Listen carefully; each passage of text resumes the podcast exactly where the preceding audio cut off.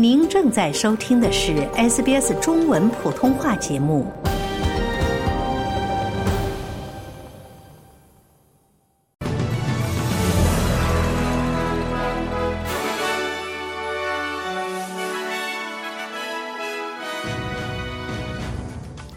政府否决了首个海上风电场的关键枢纽。维州若干城镇民众被警告撤离家园。以色列袭击黎巴嫩南部，法国总理在任职不到两年后辞职。下面请听详细内容。在联邦政府否决了澳大利亚首个海上风电场的关键枢纽之后，澳大利亚人被警告将面临更高的能源价格。维州政府认为，位于黑斯廷斯的风电场对于创造更廉价、更清洁的能源和数千个新工作岗位至关重要。但是，联邦气候变化、能源、环境和水利部表示，该项目会对一块受国际保护的湿地造成不可接受的影响。维州反对党能源发言人戴维·戴维斯称，此次否决是失败，并表示维州人正在为不断增加的能源账单而苦苦挣扎。研究表明，维州有潜力支持十三千兆瓦的发电量，及现有可再生能源发电量的五倍，但缺乏必要的港口基础设施。在当局警告几个城镇的居民撤离之后，维州的民众正准备应对洪水隔离或淹没其家园的状况。紧急服务部门已经向罗切斯特和西摩发出了撤离警告，并表示撤离位于古尔本山谷的耶雅的时间窗口已过。维州紧急服务部负责人里克·纽金特表示，在洪水中驾车行驶仍然是个问题。在过去的二十四小时内，已经进行了三十多次此类援助。Police and emergency services have to continue to put themselves at risk to assist people who do drive through floodwaters. 警方和紧急服务部门必须不断的投入工作，帮助那些试图驾车驶过洪水而遇险的民众。汽车浮在水面上的时间并不长，最终会给车内人员带来严重危险，并有可能造成生命损失。因此，请听从警告，不要驾车驶过洪水。这里有突发洪水的风险，也有树枝和树木倒塌的风险。所以我再次请求露营者切实注意周围的环境，并了解他们所。处的风险状况，当局已向古尔本河沿岸的几个地区，包括从莫奇森到谢伯顿，发布了多个观察和行动警告。西摩的洪水水位预计将超过一九九三年，而罗切斯特是二零二二年十月遭受过洪水破坏的维州社区之一。南澳大利亚的一名警官在一处警局死亡。死亡事件发生在阿德莱德港警察分局，验尸官和警察局长将对此进行调查。目前，这起死亡事件没有任何可疑之处。南澳洲警方将为所有员工提供支持，帮助他们应对死亡事件。如果您或您认识的人需要帮助，请联系生命热线 Lifeline 电话一三一一一四。新数据显示，二零二三年七月一号到九月三十号期间，新州民众在老虎机上损失了二十一亿澳元。新州酒类和博彩管理局发布的季度数据显示，在这九十二天内，博彩民众每天的损失额接近两千三百万澳元。新州的酒店获准在每个场所最多经营三十台老虎机，但有规定限制老虎机在公共区域的可见度。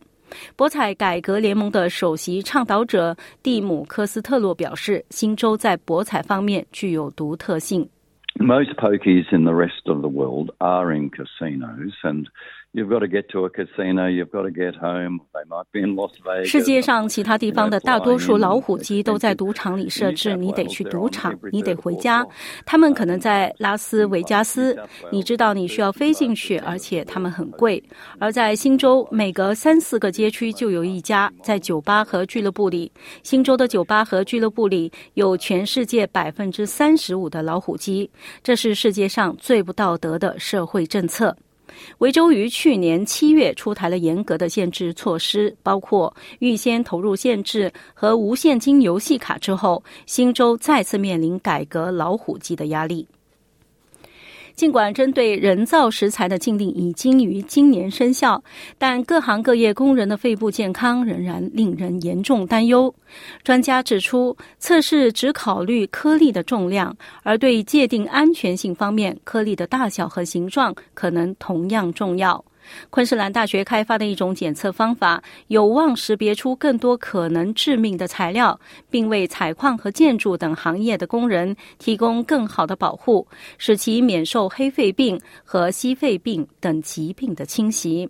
大量工人在使用人造石材后患上了无法治愈的矽肺病，这促使澳大利亚从七月一号起全面禁止使用这种材料。您正在收听的是 SBS 中文普通话节目。听众朋友，早上好，欢迎您继续收听 SBS 普通话新闻。下面我们来关注更多国际方面的消息。在美国国务卿安东尼·布林肯前往以色列之际，加沙卫生官员报告了今年迄今为止最高的日死亡人数。布林肯支持以色列，同时对平民伤亡表示日益严重的担忧。他周一在阿拉伯联合酋长国和沙特阿拉伯就加沙问题举行会谈，试图防止冲突进一步升级。周日，他在约旦和卡塔尔开始了为期五天的中东外交活动。这是他自十月七号哈马斯在加沙对以色列发动致命袭击，引发以色列大规模进攻以来第四次访问该地区。当地卫生官员称，以色列在加沙的进攻迄今已经造成了两万三千零八十四名巴勒斯坦人死亡，而以色列称，哈马斯仍扣押着十月七号袭击以色列城镇时被劫持的两百四十人中的一百多名人士。当时的袭击造成一千两百人死亡。以色列对黎巴嫩南部的袭击造成真主党一名高级指挥官死亡。真主党精锐部队拉德万分队副队长。维萨姆·塔维尔和另一名真主党战士在黎巴嫩村庄麦季戴勒塞勒姆遭到袭击时被击中身亡。哈马斯十月七号发动袭击后，以色列在黎巴嫩南部的越境冲突中打死了一百三十多名真主党战士，另有十九名真主党战士在叙利亚被打死。教宗方济各说：“不分青红皂白的攻击平民是战争罪。”教宗方济各在梵蒂冈发表世界演讲中谈到了中东冲突，他对以色列哈马斯冲突可能蔓延到更广泛的中东地区表示担忧，并呼吁包括黎巴嫩在内的所有战线停火。巴勒斯坦官员称，以色列目前在加沙的行动已经造成了近两万三千人死亡。教宗发表讲话之际，世界卫生组织访问了加沙中部的主要医院。世界卫生组织紧急医疗队联合协调员肖恩·凯西呼吁世界各国领导人确保加沙的医院得到保护。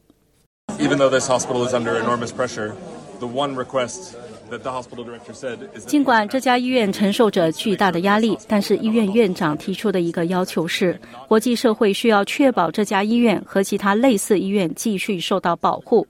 确保他们不被袭击、不被撤离，确保他们能够继续运作，这就是今天的关键信息。俄罗斯对乌克兰的导弹袭击造成两人死亡，至少三十人受伤。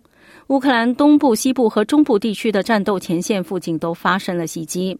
第聂伯罗彼得托夫斯克地区伤亡最严重，一名妇女死亡，另有二十四人受伤。在扎波罗热市住宅区遭到导弹袭击，造成两人受伤。当地居民阿纳托利贝利科夫所在的建筑物因导弹袭击而受损。他说，他和他身边的人只是因为凌晨袭击的预警才得救。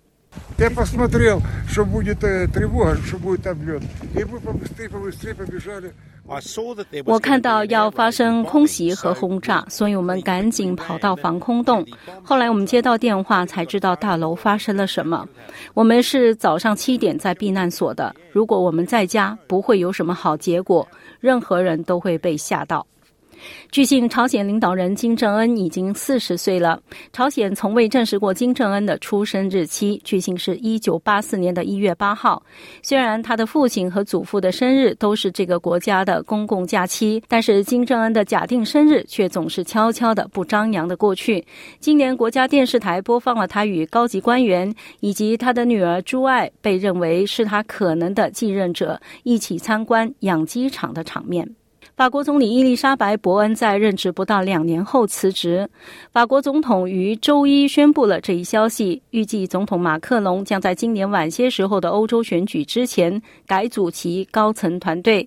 伯恩女士于二零二二年五月上任，成为法国历史上第二位女总理。马克龙表示，伯恩女士在任职期间表现出了勇气、承诺和决心。伯恩女士将担任看守人，直到新的继任者被任命。英国反对党领袖呼吁为该国上周洪水的受害者采取更多行动。上周洪水席卷了英格兰大片地区，大约一千所房屋遭到破坏，旅游运营商宣布经营严重中断。基尔塔斯莫爵士在探访拉夫堡镇的洪水灾民时表示，这种事情已经不是第一次发生了。Um, I've been here talking to residents about the awful impact that flooding has had on them. 我一直在这里与居民谈论洪水对他们造成的可怕影响，潮湿，水到处都是，这不是干净的水，这对他们产生了巨大的影响。这不是第一次了，我已经出去与遇到这种情况的居民交谈过。我们必须抢在这之前采取行动。再来关注一则体育方面的消息：阿德莱德联队在阿德莱德举行的澳大利亚男子职业足球联赛中，与麦克阿瑟队战成平局。阿德莱德队在比赛中表现强势，但未能将其转化为胜利。本哈诺兰在第十六分钟为球队进了球，第三十二分钟，瓦莱雷热尔曼为麦克阿瑟队扳平比分。此后双方就没有再进球。来关注澳大利亚元的汇率。国际货币市场上，澳元兑换零点六七一美元，一点零七五新西兰元。同时，澳元可以兑换四点七八六元人民币，五点二四一港币，二十点七七七新台币。下面是天气情况：悉尼有阵雨，最高温度二十七度；墨尔本多云，最高温度二十五度。布里斯班有阵雨，最高温度三十度；堪培拉有阵雨，最高温度二十六度；阿德莱德多云转晴，最高温度二十五度；珀斯琴有大风，最高温度三十一度；达尔文有阵雨或暴雨，最高温度三十二度；霍巴特多云，最高温度二十二度。喜欢、分享、评论，欢迎您在 Facebook 上关注 SBS 普通话页面。